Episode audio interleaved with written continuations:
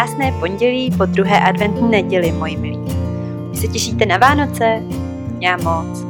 Miluji tento krásný čarovný čas, plný světýlek, svíček, vůně jehličí, čaje, setkání s rodinou, dobrého jídla a úsměvy od ucha. Jenomže, co si budeme povídat? Mnozí z nás mají také hodně stresu, protože obzvláště před Vánoci bývají v práci u závěrky, tlak na termíny a uzavření pracovních záležitostí kvůli konci roku, aby zkrátka bylo všechno hotové. Pro ženy často k tomu ještě domácnost, dárky, příprava na Vánoce, úklid, pečení, děti a podobně. Ve školách zase studenti píšou hodně testů a začínají zkoušky. No, však to moc dobře znáte. A z toho kolikrát vyplývá i velký strach z chybování, který nás kolikrát úplně paralyzuje a nedovolí jednat tak, jak bychom jednali zcela přirozeně a spontánně, kdybychom ho nepocitovali. Ve své podstatě nás brzdí. Ve svém výzkumu, který jsem dělala v říjnu tohoto roku, se také často objevovalo, že máte strach z chybování a projevování se v jazyce. Bojíte se mluvit. Často jste se mě tam také ptali na to, co vám můžu doporučit a jak tyto emoce přemoct. Proto jsem se rozhodla vám o tom natočit podcast a napsat také článek. Tak jdeme na to! Jsem Markéta Králová, online lektorka jazyků, především Němčiny a francouzštiny a hry na klavír. Jsem také podporovatelka a propojovatelka jazykomilců, tedy těch, kteří se rozhodli poznat nějaký cizí jazyk, certifikovaná neurojazyková koučka a mentorka. Mojí úlohou je být průvodkyní na cestě poznávání jazyků, ukázat vám, jak se jazyky učí polygloti a provést vás jejich zážitkovým poznáním. Jazyky propojují s psychologií, neurolingvistickým programováním, osobním rozvojem a cestováním.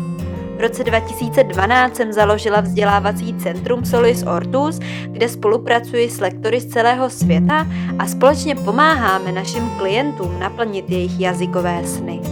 Miluji cestování, jazyky, hudbu, zpěv, spiritualitu a mým posláním je vést lidi k přirozenému a zážitkovému poznání skrze vlastní prožitky, zejména v jazycích. Naplňuje mě totiž předávat to, co umím a znám a také věřím tomu, že jakýkoliv jazyk se dokáže naučit opravdu každý z nás, pokud ví jak na to a má v rukou ty správné nástroje a informace.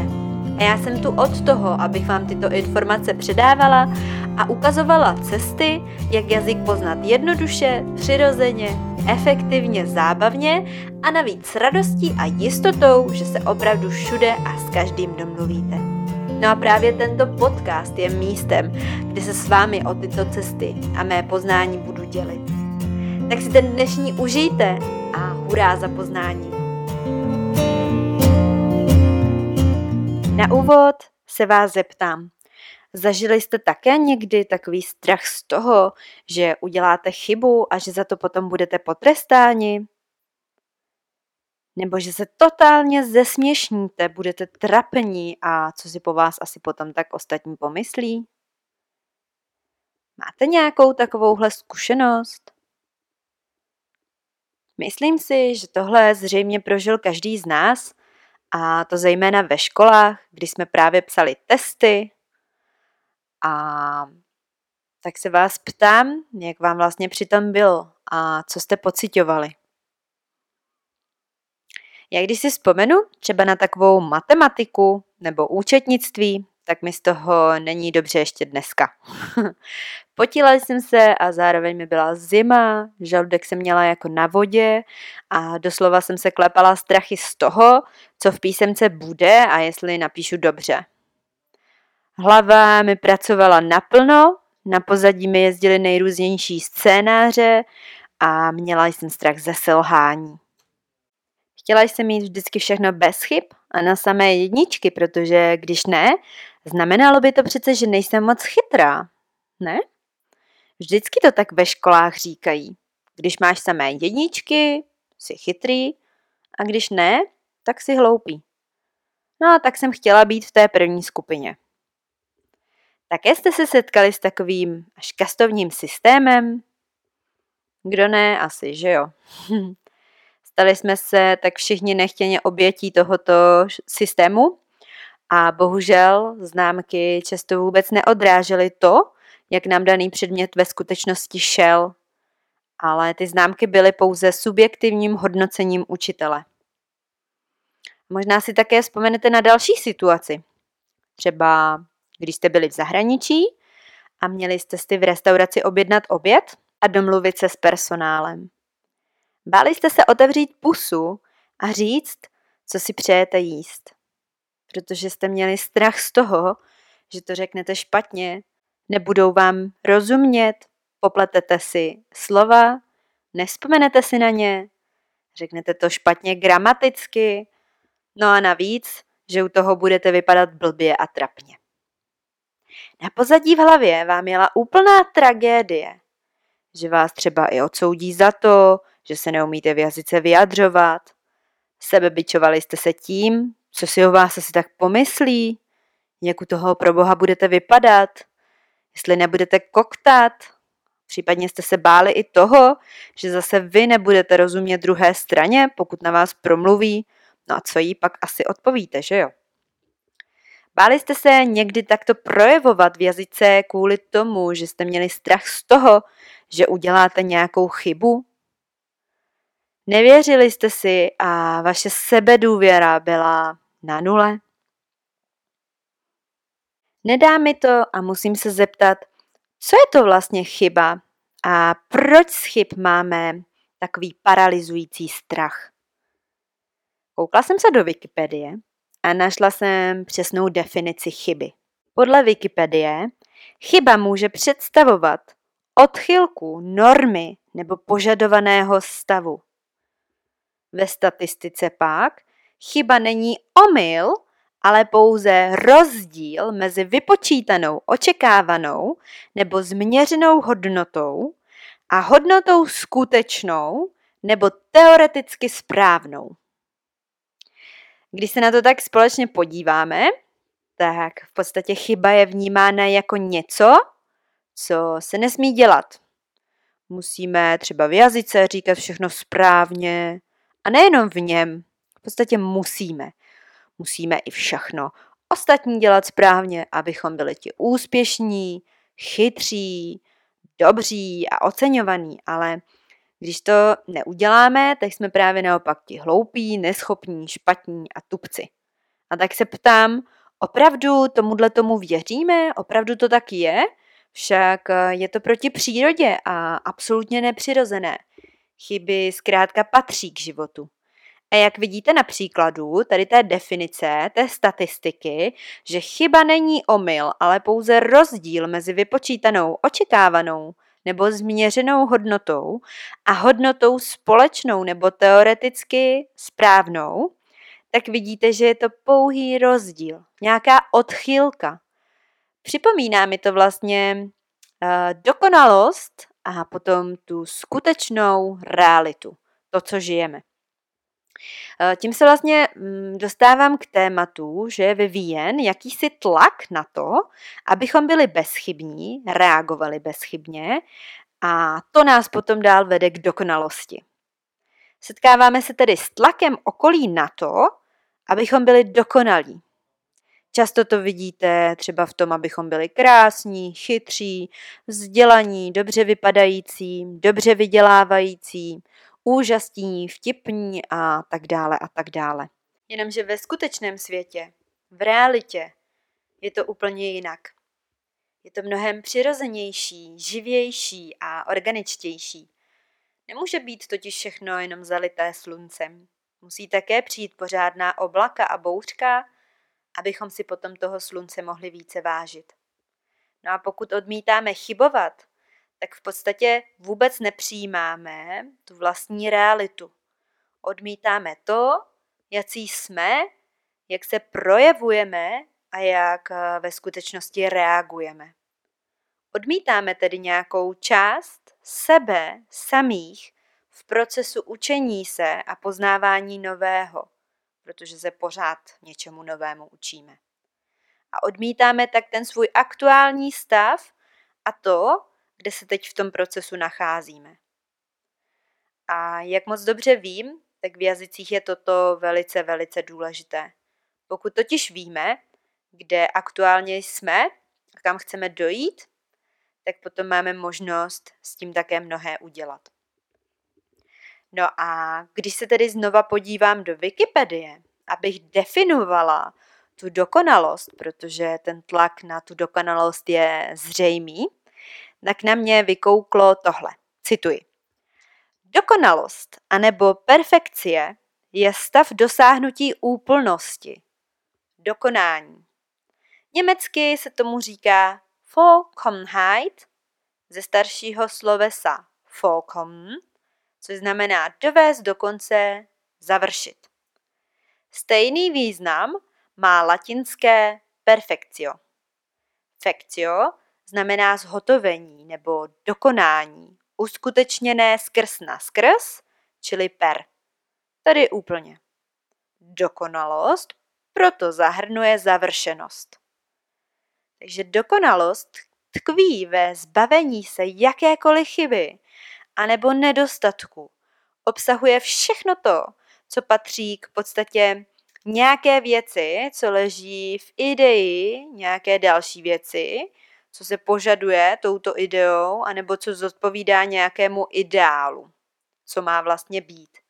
Dokonalost je povaha toho, co je dokonalé, tedy co je úplně dokončené a už není schopné žádného vývoje. Toto je velice, velice důležité, že vlastně dokonalost je dokončené a už není schopné žádného vývoje. Jo, takže ten proces tvoření dokonalým anebo dosahování dokonalosti se nazývá potom zdokonalování. To znamená, že pokud bychom jednali a vše dělali bez chyb, byli bychom vlastně absolutně dokonalí a takzvaně završení. Jenomže nebyl by potom už žádný prostor pro náš další růst, protože už by v podstatě nebylo kam růst. Jo, vidíte tu krásnou symboliku tady z té definice, protože mně to přijde až, až trošku zarážející, že vlastně chceme, abychom byli dokonalí, protože jako lidské bytosti přece potřebujeme ke svému životu růst a sebe zdokonalovat se.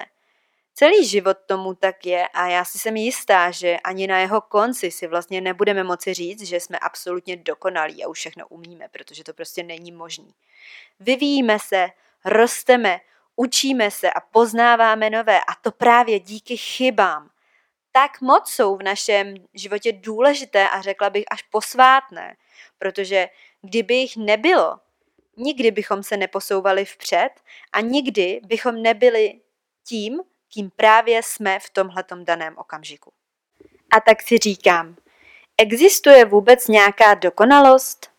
Protože pokud nahlédnete do přírody, tak ani tam nenaleznete absolutní dokonalost.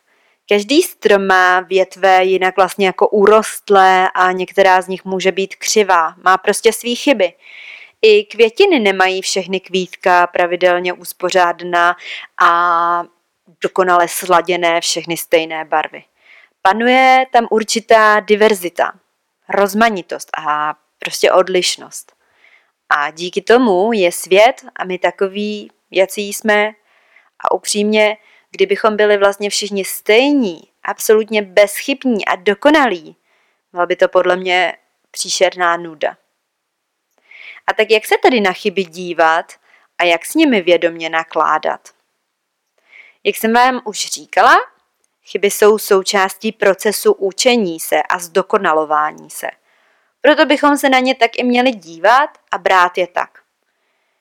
Základem ale je, že bychom se vždycky z nich měli poučit. A měli by nám něco předat. Od toho tady prostě jsou. Chyby jsou pro nás příležitostí.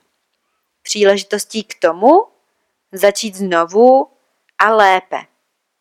Posilnění stabilnější, otužilejší, zkušenější, zkrátka v naší novější verzi. Mám takové jedno pravidlo. Spočívá v tom, že je v pořádku udělat chybu. Pak je ještě jedna tolerance, takzvaná druhá šance, že potom tu chybu můžu ještě jednou udělat. Taky se to může stát. Ale více jak dvakrát by se mi opakovat neměla.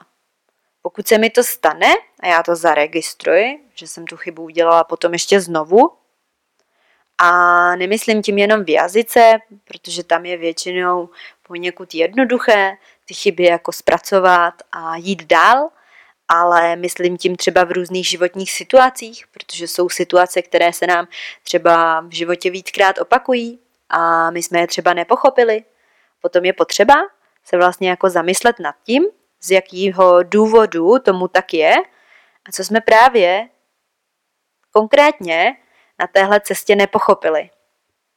Potom to nějak jako zpracovat, zaujmout k tomu nový postoj a v podstatě vykročit znovu. Strach z chyb při mluvení. Tady bych vám chtěla říct, abyste nejprve zapracovali ve svém vnitřním světě. Popuste svou úzdu, anebo se jí zbavte úplně.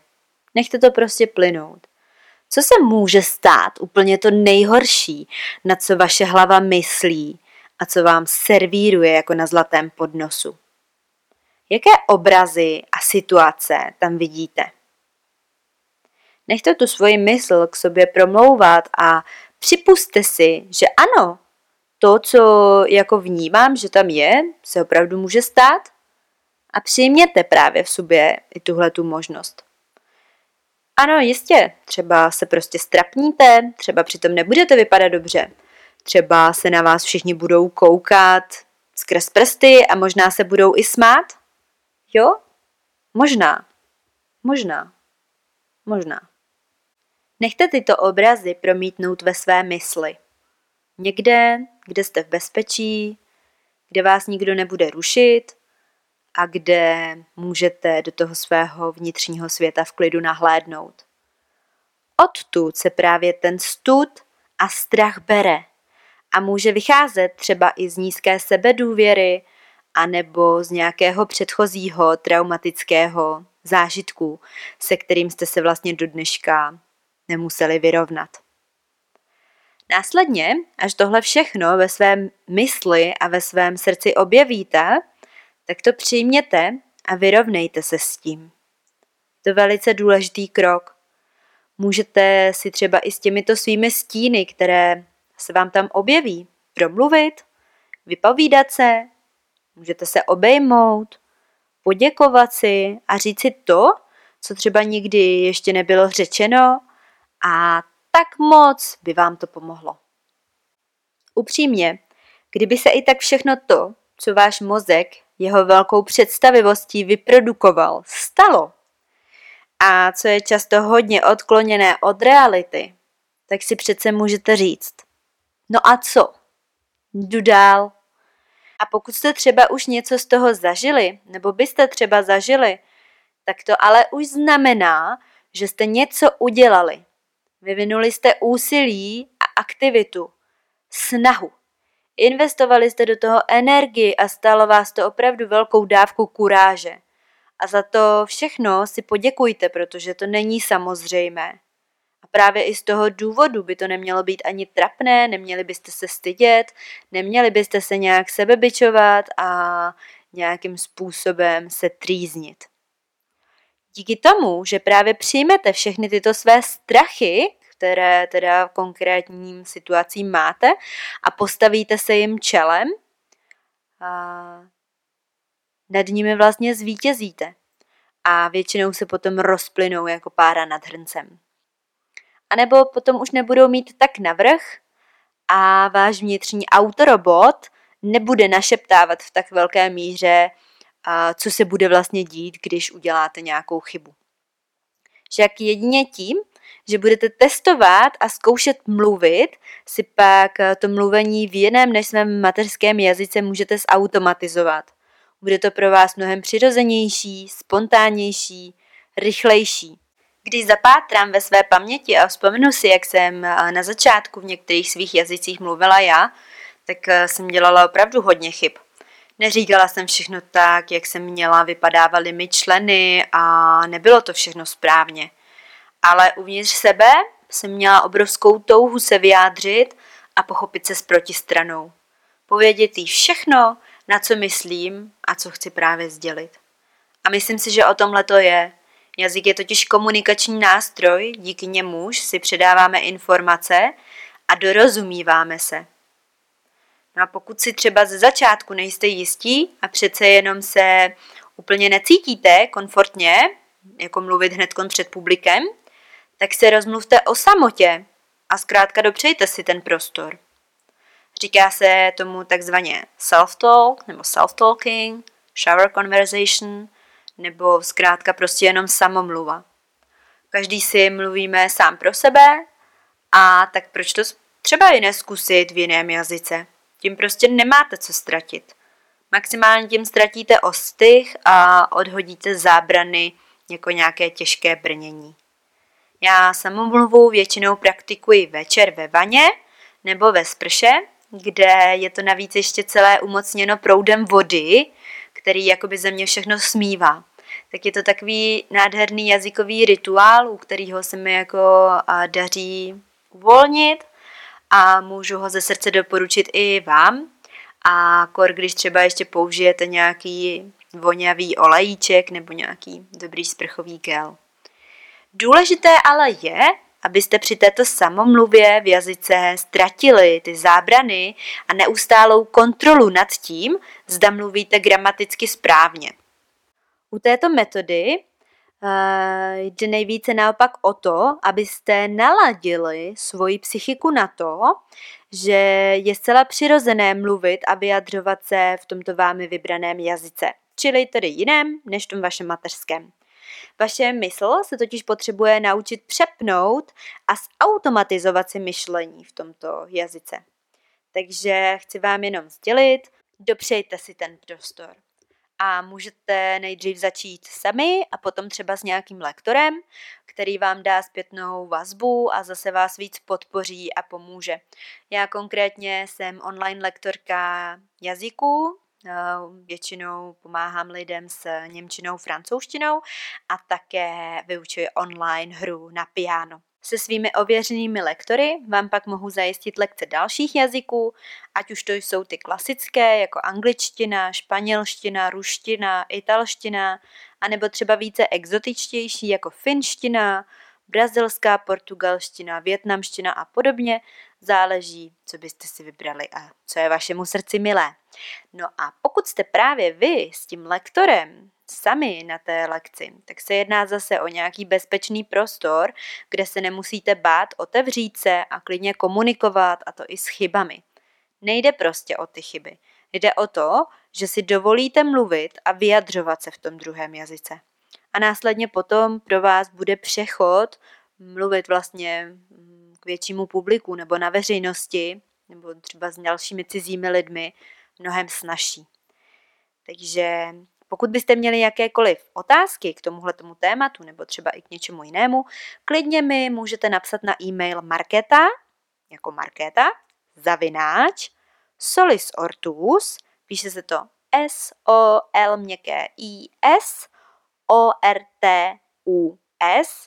O-R-T-U-S, takže ještě jednou je to markéta, zavináč, solis, ortus.cz protože přece jenom internet ten podcast a tedy i ten článek, který k tomu podcastu jsem napsala, mají svůj limit, takže právě nadešel čas skončit. A závěrem bych vám chtěla popřát, abyste na té cestě vytrvali a našli tu odvahu a to světlo, ve kterém najdete tu čirou esenci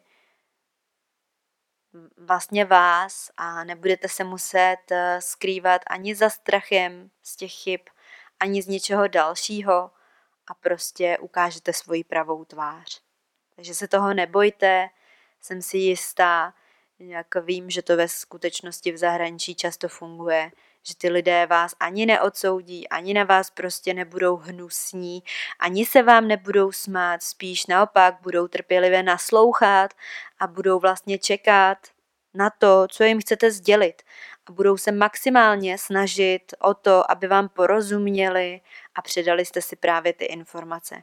Naopak vnímám, že je to krásný a je to lidský. A vnímám tam tu trpělivost a můžu říct, že jsem se snad nikdy nesetkala právě s takovouhle nějakou hnusnou reakcí, že by se vám někdo smál nebo, nebo že by byl na vás opravdu jenom hnusný kvůli tomu, že mluvíte vlastně lámaně v tom jazyce.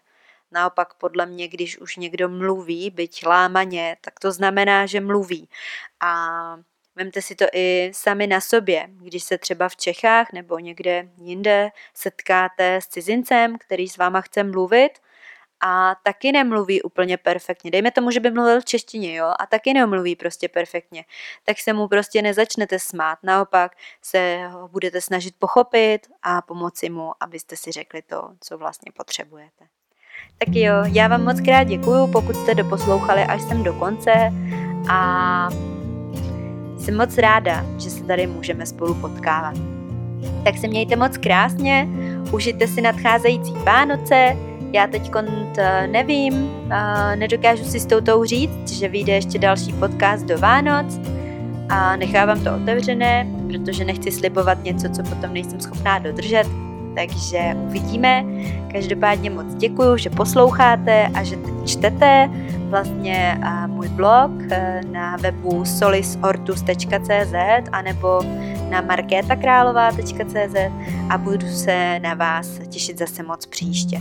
A pokud bychom se do té doby neslyšeli, nebo bychom se nějak nepotkali, tak vám přeju nádherné, klidné Vánoce, užijte si je, užijte si je opravdu na maximum, i přesto, že máme v pořád nějaké restrikce a nějaká opatření, která nám úplně nedovolí, nedovolí fungovat úplně normálně, jak bychom fungovali, ale i tak si to užijte a vychutnejte si ten nádherný až posvátný čas.